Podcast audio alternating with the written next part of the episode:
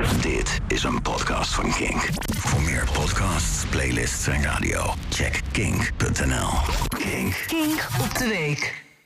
Het schijnt dat er volgende week nieuwe muziek uit gaat komen van ABBA. En dat is goed nieuws voor hipsters en millennials, want die zijn er al helemaal op gekleed.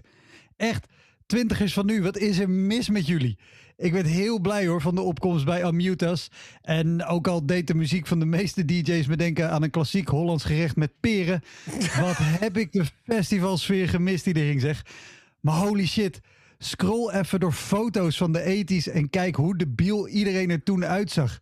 Dat ligt echt niet aan je brilletje, want daar zit vensterglas in. Maar zo zien jullie er nu ook uit.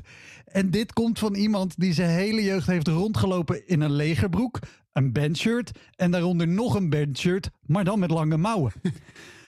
ABBA is niet echt kinkmuziek, dat weet ik ook wel, maar ik vind het wel tof. Want volgende week ben ik jarig en toen ik geboren werd stond ABBA op nummer 1 met The Winner Takes It All. Naar het schijnt het favoriete nummer van Prins Bernhard. Of het is Money, Money, Money. Of Thank You for the Music. Want meer dan een bedankje heeft hij niet over voor muziek. Oh, sorry, wacht. Ik krijg een appje van Bernard. Uh, zijn favoriete nummer is House for Sale. ABBA stopte in 1982. En als we teruggaan naar die muziek, lijkt het me ook heerlijk om misschien gewoon opnieuw te beginnen vanaf toen. En, en tuurlijk, hè, de jaren 80 waren qua economie en kledingsmaak een ramp. Maar ergens in de laatste 40 jaar is er iets goed misgegaan met ons. In de jaren 80 was een van de hoogtepunten van de Nederlandse cultuur het tv-programma Ter Land, Ter Zee en in de Lucht. En die termen ter land, ter zee en in de lucht vallen nu alleen als de minister van Infrastructuur jammert dat die klimaatdoelen wel heel verdraaid lastig zijn voor de transportsector. En voor cultuur is überhaupt geen plaats. Als 70.000 man er voor de straat op gaan, doet de regering alsof haar neus bloedt. Zelfs onze staatssecretaris voor cultuur liet niets van zich horen. Als je nu denkt, wat serieus allemaal, komt er nog een grap? Hallo, ik zei net staatssecretaris voor cultuur.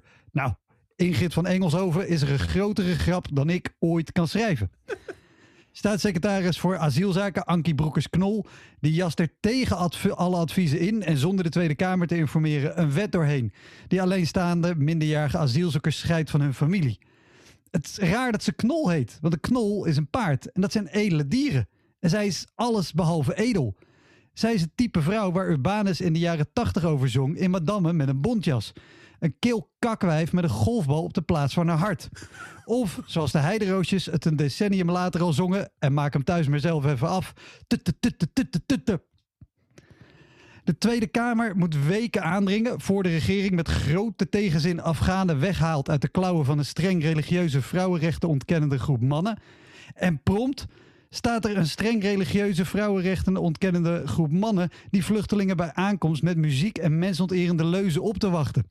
Ander geloof, zelfde fanatieke onverdraagzaamheid.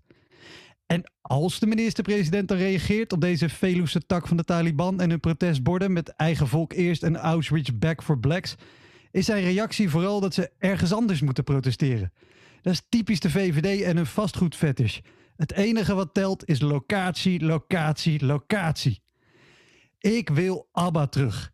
En als dat niet lukt, dan in ieder geval een nieuwe regering met een greintje respect voor mensen, cultuur, rechtsstaat en milieu.